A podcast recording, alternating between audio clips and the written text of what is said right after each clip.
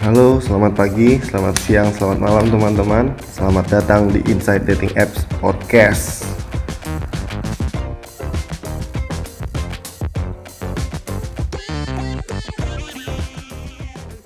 Oke, sekarang gue udah kedatangan teman, namanya yang pasti Bunga, dan adalah nama samaran. Halo Bunga, apa kabar? Halo, baik-baik. Ini gue perlu basa-basi nggak sih? Nggak usah, nggak usah basa-basi. Oh ya, oke. Terima kasih udah mau udah gua mau gue ajak untuk berbagi aib di podcast ini. Ya, kalau boleh tahu sekarang umurnya tuh berapa dan kerjaannya apa? Mmm, umur ya, umur 26 tahun. Sekarang 26 kerja tahun ya? di ya kerja di perusahaan swasta di Jakarta. Oke, perusahaan swasta 26 tahun. Eee, lo udah tahu kan kenapa gua ngajak lo interview atau ngebahas sharing-sharing di sini, itu kita bakal bahas tentang dating apps. Ya. Oke, gue masuk ke pertanyaan pertama. Menurut lo Mhm. apa sih dating apps itu? Mmm, kalau based on definition ya, kan kalau application eh, kalau dating apps itu kayak didesain untuk generate connection nih, either itu nantinya bakalan jadi friendship atau casual sex atau kayak lo emang cari temen aja. Nah, kalau buat gue sendiri sih, mmm, lebih ke apps buat memperluas koneksi gue kali ya. Oh, memperluas gue koneksi tidak ya? mencari hal-hal ya, betul. Ya bisa bisa aja sih sekarang kayak nyari kerjaan lo bisa nyari koneksi di dating app juga. Betul, Kak, betul. Cari Oh. klien dari dating apps juga bisa. Oh, cari klien juga bisa dari dating apps? Bisa, karena Oh, kebetulan iya saya iya. agensi nih, Pak. Jadi ya udah, saya jualan juga di dating apps Oh gitu. iya, boleh boleh boleh. Aplikasi dating apps-nya yang dipakai apa? Kan kita tahu tuh di luar sana banyak kan ada Bumble, Tinder, OkCupid Mmm. terus Grindr buat sesama. Apa aja nih yang Benar dipakai? benar. Mmm, kalau yang terakhir gue pakai sih Bumble ya, terakhir Oh, Bumble. itu Bumble. Mmm. Dari dari kapan sih lo mulai main dating app? Kalau pertama kali mulai itu kayaknya pas kuliah sih, kayak di tahun 2014-an. Jadi itu waktu itu intinya kayak gue di-challenge sama pacar gue buat download Tinder, terus kayak banyak-banyakan match gitu. Walaupun ujungnya sih waktu itu kita berantem sih. Cuman Oh. kayak awalnya ya lucu-lucuan aja challenge kayak banyak-banyakan match yuk, kayak gitu sih. Oh, awalnya jadi ke-trigger-nya itu gara-gara, eee, nantang-nantangin sama-sama pacaran gitu? Awalnya saya menemukan aplikasi Tinder, saya tuh nggak tahu apa-apa Tinder nih, Kak, Ah, awal-awal. Terus kayak gue nemuin aplikasi Tinder, gue tanya dong, "Ini apa?" Terus dia bilang kayak, mmm, dating apps gitu. Terus gue tanya, "Kenapa lo download dating apps? Kan lo udah punya pacar." Terus Wow, kayak, terus terus? "Ya gue cuman pengen laku apa sih gue di pasaran, coba deh kamu download juga, terus kita banyak-banyakan match." Ya udah deh gitu. Oh, setelah semuanya itu berakhir kayak lu masih pacaran sama dia sekarang? Enggak. Oh, udah enggak. Nah, Udah sekarang kan lu masih aktif, bisa dibilang aktif di dating apps kan? Mhm. Oh, sih, kebanyakan terakhir kali ah hah? sekitar sebulan yang lalu, udah enggak. Udah Oh, enggak ada sebulan dating apps lagi. sebulan yang lalu. Berarti kalau gua Mhm. bisa ngambil kesimpulan, lu nyari jodoh doang dong di sini? Kan saya nggak ketemu jodoh saya juga, Pak. Oh, belum Kayak ketemu. udah Nyari bosen ya kan aja. ada aja orang yang nyari jodoh, nyari teman ngobrol, atau bisa jadi teman bobo, kita nggak ada yang tahu. Betul. Oh, jadi yang lu lebih spesifiknya itu nyari apa? Nyari koneksi sih. Oh, nyari Kayak nyari koneksi. teman aja. Oh, iya iya. Teman ngobrol lah ya intinya ya? Betul. Eee, lu punya tips tertentu nggak sih untuk nemuin pasangan ideal di aplikasi ter aplikasi tersebut? Yang kayak orangnya harus brewokan, harus tinggi, putih? Apa ya, sebenarnya kalau gue sendiri biasanya gue bakal interest kalau bio-nya dia lucu-lucu gitu sih. Jadi, mmm, karena gue tipe orang yang baca bio dulu baru lihat muka. Oh, Maksudnya gitu? kan kelihatan nih kalau dia nulisnya nulis hal-hal yang jenaka atau kayak cuman mau bobo doang juga kan kelihatan di bio-nya, kayak gitu sih. Gue biasanya bakalan paying attention tuh ke bio-nya dulu, baru ke yang lain-lain setelahnya, Oh, gitu. lu punya ada syarat sendiri nggak sih yang, "Oh, kriteria gua tuh kayak harus dia punya 4 foto," atau apa, atau bio-nya menarik kan Mmm. pertama, Ngaruh nggak sih kalau dia Mhm. punya 4 foto atau cuman 1 atau 2 foto? Ngaruh sih, karena ini saya juga belajar dari podcast-nya Bapak loh. Kayak lo harus pastiin dia punya 4 foto, yang pertama itu kayak fotonya close up, foto dia sendiri, terus ada foto close up-nya dia biar kelihatan dia tinggi atau enggak. Terus yang Oh. ketiga foto sama teman-temannya, yang keempat foto hobi. Gue Oh dengerin gitu. podcast lo BTW, Mbak gitu. Bunga di episode 1. Coba kalian Iya, dengerin di episode 1. Dia juga bahas tentang, oh iya minimal tuh dating apps harus ada 4 foto. Foto sendiri, eee, full body full body kan? Terus yang kedua close up. Yang ketiga foto lo sama temen-temen lo biar nggak di nggak dibilang sosiopat. Terus yang ketiga eh, yang keempat itu foto hobi kalau bisa, iya nggak? Betul betul. Jadi, mmm, awalnya tuh lo ada bahan obrolan sih sebenarnya, ya nggak sih? Oh gara-gara lihat di bio jadi ada bahan obrolan? Mhm, biasanya sih dari situ. Apalagi kalau misalnya Bumble kan harus perempuan yang mulai ya, Kak, ya. Oh Jadi iya. kayak biasanya gue akan paying attention to those details gitu. Oh iya iya. Iya bener bener bener. Berarti dari bio terus 4 foto itu harus ya? Untuk untuk Mhm. untuk Mbak Bunga ya? Betul. Nah setelah berapa lama lo main tuh kayak oh, ada dong yang ngajak first date? Mhm. Ada kan yang ngajak first date tuh biasanya kayak di mana? Biasanya sih depends ya. Tapi, eee, gue biasanya lihat dari profile match gue. Biasanya juga kadang mereka yang ngajakin duluan. Cuman, mmm, kalau orangnya asik, chill gitu, santuy, biasanya sih bakalan ke kafe-kafe gitu. Cuman kalau profilnya kelihatannya agak-agak high atau gimana, biasanya sih end up kayak di resto-resto gitu sih. Oh end up di agak high ini maksudnya itu lebih ke high class? Mmm, bukan. Kayak misalnya, kalau misalnya sama orang sebaya atau kayak misalnya sama anak-anak agensi juga nih, itu kan lebih santuy nih. Biasanya kayak, ya udahlah kita ke kafe-kafe shop aja kayak gitu, kafe atau coffee shop. Nah, tapi kalau misalnya dia direktur apa, terus kayak VP dari mana, biasanya kayak mereka atau gue bakalan ngajakinnya ke resto gitu sih. Oh lebih kayak oh ya Gitu. casual-casual date gitulah ya? Mhm. Lo pernah nggak sih sama orang lain di luar orang Indo atau orang-orang ya di luar orang Indo deh karena lo base-nya di Jakarta Mmm. kan?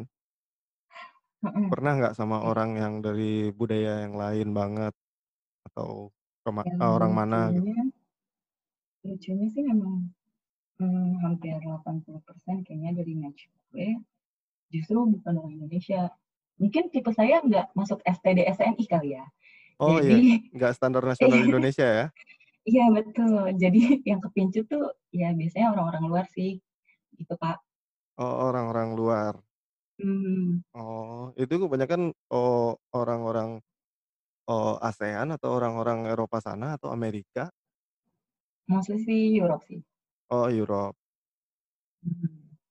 Nah, ada kemarin tuh temen-temen gue nanya kan, tentang dating apps ini. Mhm.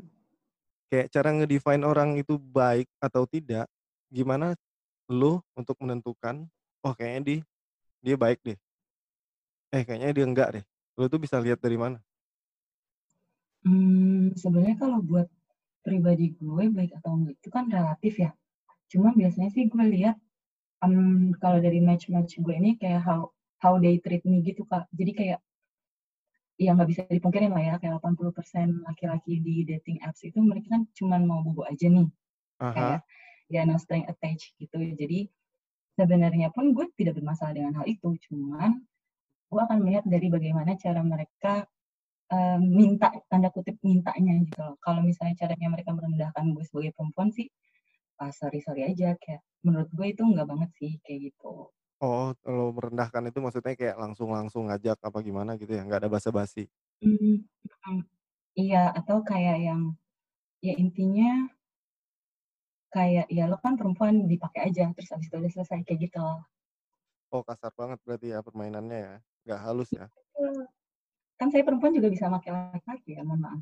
Oh iya bener juga. Eh, tadi lu bilang first date itu casual-nya itu di restoran ya? Eee, depends on orangnya yang depends on gimana orangnya ya kan dari profile-nya? Betul. Terus kalau first date kayak gitu tuh Biasanya itu ngapain aja sih? Biasanya sih bakalan ngobrol-ngobrol aja sih, Kak, kayak ngobrol kan ngobrol-ngobrol casual aja. Kalau buat first date biasanya kayak gitu. Kalau misalnya, mmm, di first date-nya udah enak, jadi kalau gue pribadi sih kayak punya five dates rule gitu loh. Oh, ada peraturannya Ya sendiri, nggak ada syarat-syaratnya sendiri? Ya kalau misalnya dia deket, kayak masih bisa gue kayak dia sama-sama di Jakarta gitu kan, Ah kayak change buat ketemunya kan bakalan sering. Jadi kayak biasanya gue punya five date rules atau at least kayak three third date rules Ah. lah. Jadi at least di date ketiga ya lu baru boleh ngapa-ngapain, sebenarnya gitu sih. Oh, harus lewatin 3 dulu ya? Iya. Ya seenggaknya biar tahu dulu nggak sih kalau dia baik apa enggak dari 3 kali itu? Oh, biasanya tuh kalau udah ngelewatin fase yang 3 atau 5 yang lu punya tadi, hubungannya itu ke mana biasanya? Atau cuman jadi FWB doang? Atau bisa berlanjut Sejauh jadi temen? Sejauh ini sih kebanyakan jadi temen ya. Oh, kebanyakan Kayak jadi yang teman? mhm, kayak yang cuman FWB-an kayaknya nggak ada deh, Kak. Oh, nggak ada? Jatuhnya nggak FWB sih, kayak dalam suatu periode gue akan sama dia, tapi kita tidak pacaran, tapi begitu, gitu. Oh, begitunya melakukan kegiatan orang dewasa? Ya, seperti itu. Oh, seperti itu. Kalau boleh tahu sekarang lagi lagi date dan lu bilang tadi tuh udah kayak bulan kemarin kan terakhir aktif di ini, di dating app? Iya. Oh, sekarang tuh lagi ngedate ada ngedate sama orang nggak? Atau deket sama siapa? Iya, ada sih sama seorang laki-laki. Oh, seorang Dia laki-laki. kebetulan, eee, asalnya itu dari Jerman. Oh, bule ya?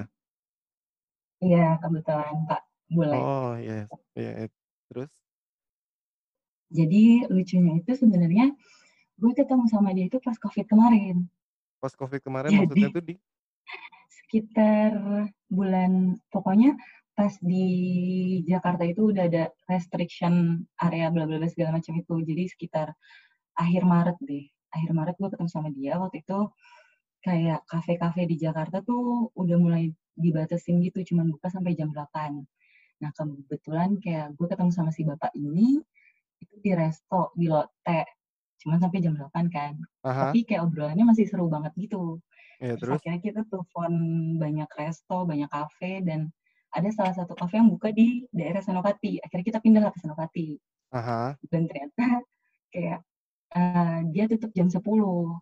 Ah, lumayan Cuman ada di 2 saat jam. dia betul, tapi di saat 2 jam yang tersisa itu ternyata obrolannya makin seru. Ah hah, terus? Iya, berakhir di apartemennya dia sih, tapi memang saat itu tidak ngapa-ngapain karena kita beda kamar. Oh, gitu. Beda kamar, bisa dipastikan ya? Beda kamar ya? Beda kamar beda kamar, Pak. Oh, Yang iya. ngapa-ngapain sedikit tapi bobonya masing-masing, Oh, gitu. gitu. Sedikit ya? Sedikit, betul. Oh, ya semoga deh bisa apa, ya kalau emang buat ini bisa langgeng atau apa pun itu yang lo mau sama orang Thank you. ini. Nah, kita masuk ke pertanyaan selanjutnya. Punya nggak sih pengalaman paling seru atau bad experience selama lo di dating apps? Paling seru ya, mmm, sebenarnya kalau untuk bad experience itu nggak banyak, cuman 1. Jadi waktu itu gue sempet punya teman Tinder date, terus kayak ya gue memperkenalkan gue seperti biasanya sama temen-temen gue, ternyata dia malah jadi ujung-ujungnya sama teman dekat gue sih, kayak gitu. Tapi kalau misalnya buat yang seru jadi yang seru jadi apa? dia nge-match match nge-match lagi gue ngomong, dia match-nya sama lu, terus jadiannya sama temen lo? jadinya sama temen iya betul. Oh, jadi Padahal saat itu saya sudah in full feelings. Oh. Oh, ja Jadi berarti kayak, lu ketemuannya bertiga ya? Awalnya sih berdua, cuman kan karena maksud gue untuk efisiensi waktu ya, ketika gue nongkrong sama temen gue, ya udahlah gue ajak aja sekalian nih Tinder date gue, gue kenalin sama temen-temen gue. Oh, Karena kan iya. if you wanna be my lover, talking to my friends, tapi ternyata talk-nya kejauhan, Kak. Oh, ya. Bablas, Jadi mereka yang pacaran ya? Betul. Itu tuh bad experience tuh, udah banyak ya orang-orang yang suka ngambil pacar orang? Sekarang? Oh, lagi musim, lagi zaman. Oh, lagi zaman, lagi musim. Mhm. Coba dong pengalaman paling serunya itu kayak gimana? Paling seru ya, jadi, mmm, sekitar tahun lalu, gue sempet liburan ke salah satu negara di Asia Timur. Ah hah. Terus habis itu kan karena memang saya tidak familiar dengan negaranya dan teman-teman saya juga kayak mau ke mana-mana bingung, akhirnya saya bukalah dating apps ini. Ah hah. Karena awalnya niatnya memang mau mencari, mmm, penduduk lokal yang punya mobil dan bisa ngajak jalan-jalan. Oh, matre juga ya Kakaknya ya. Bukan, untuk efisiensi waktu dan Oh, efis uang, efisiensi waktu dan uang, benar benar benar. Sekarang tuh kita harus Nah, benar-benar terus mikir mateng-mateng ya buat itu. Betul, betul betul. Nah, terus kayak ada satu profile waktu itu memang dia bukan lokal bukan orang lokal, tapi kayak me menarik buat gue.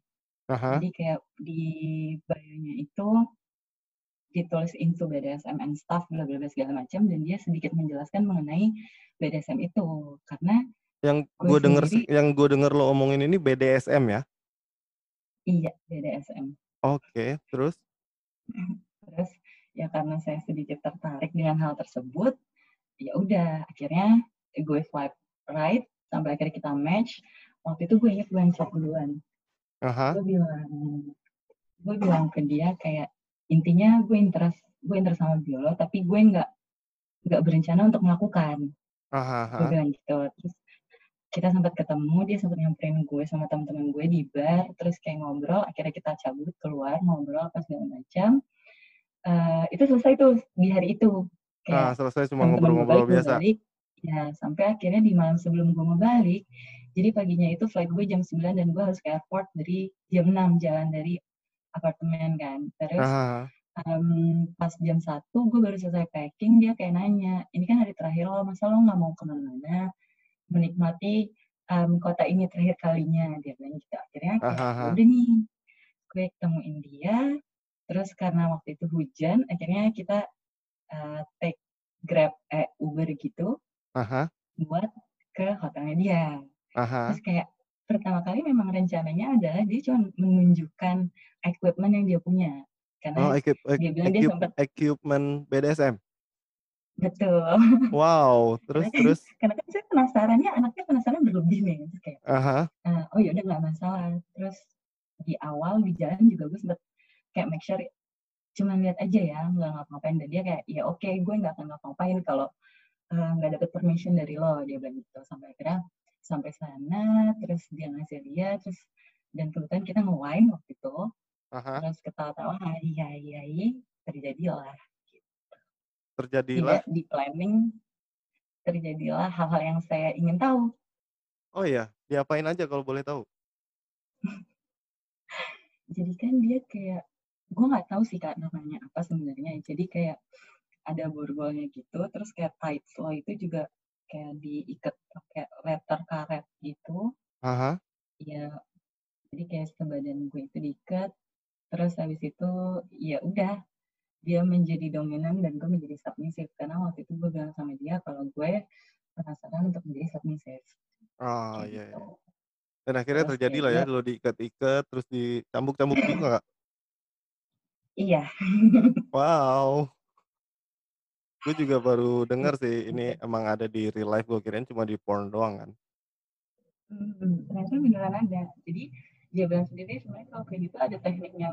Bahkan kayak ketika lo nge-choking, eee, partner lo, itu tuh kayak lo nggak bisa main asal choking aja gitu. Jadi Oh.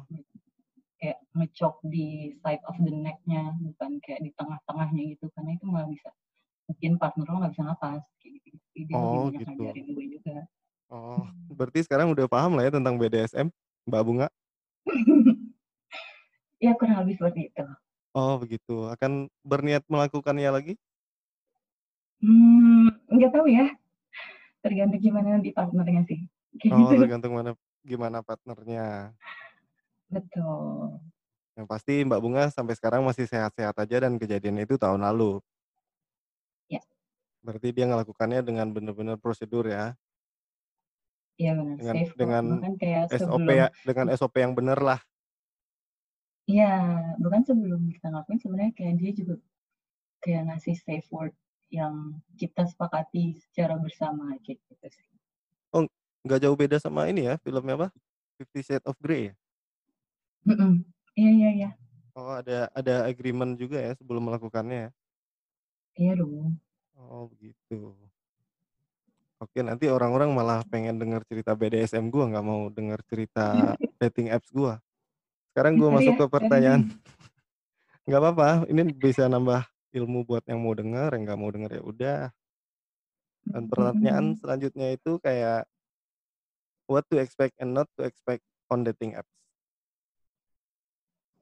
Apa ya, mmm, what to expect, mungkin kayak lebih casu casual aja sih, karena nggak tahu saya agak skeptikal dengan orang-orang yang bisa menemukan cinta sejatinya di dating apps, karena mostly mungkin karena gue sendiri juga tidak mencari itu kali ya, jadi mungkin kayak expect less aja sih di dating apps, karena bisa jadi apa yang match lo kasih lihat ke lo adalah yang pengen dia tunjukkan. Dan dia sebenarnya nggak kayak gitu kayak gitu sih. Kayak misalnya kebanyakan ya, kebanyakan yang terjadi di teman-teman pria saya ketika match sama perempuan, itu lebih cantik di fotonya, kayak gitu. Nah, itu juga kejadian di beberapa laki-laki yang saya temui, kayak gitu sih, kayak, Oh, ya di "Wah, fotonya ganteng tinggi banget ya" gitu ya? iya, "di fotonya tinggi ya, di fotonya bewokan ya." Ternyata pas ketemu eee, ya begitulah, Oh, gitu. begitulah, kurang dari kurang dari foto ya berarti? Iya. Oh, tapi kan ada juga orang-orang yang berhasil di dating apps. Iya, makanya, mmm, gue nggak me apa ya, tidak anti dengan itu, cuman kayak mungkin teman-teman bisa expect less aja sih, kayak ketika lo mau ketemuan sama match lo, nggak usah expect too much, ya nanti dia bakalan jadi cinta sejati gue apa segala macam, ya let it flow aja sih, kayak gitu. Oh, ya lebih dijalanin aja ya? Mhm. Oh, berarti itu udah masuk ke masukan untuk orang-orang yang masih awam tentang dating apps. Ya, lu Iya. bisa benar-benar harus ngelihat dulu, wanti-wanti dulu, terus harus benar-benar nge-define dia orang baik apa enggak dengan cara lo sendiri. Atau ada lagi yang mau di-share ke kita di sini? Apalagi ya? Kasih pertanyaan dong, kalau misalnya disuruh nge-share. Oh, mungkin masukan deh untuk orang-orang yang ingin mencoba BDSM. Ya pokoknya buat orang-orang yang mungkin berniat atau tertarik untuk melakukan BDSM, kayak pastiin aja kalau emang lo dan partner lo itu paham, atau setidaknya kalaupun lo tidak paham atau partner lo tidak paham, ya salah satu di antara kalian harus ada yang paham kayak bagaimana cara melakukan hal-hal tersebut, karena emang agak riskan gitu kan. Oh. Jadi dan menurut gue juga, lo juga harus punya agreement di awal kayak, ya itu yang tadi gue bilang ada safe word apa segala macam, terus ya gitu aja sih, kayak pahamin tekniknya bener-bener aja. Oh, bener-bener Kayak harus gitu. paham semuanya ya? Mhm. Oke, terima kasih Bunga. Mungkin cukup untuk sesi ini. Terima kasih Bunga dan sampai ketemu lagi teman-teman di episode cerita Bunga selanjutnya. Ciao.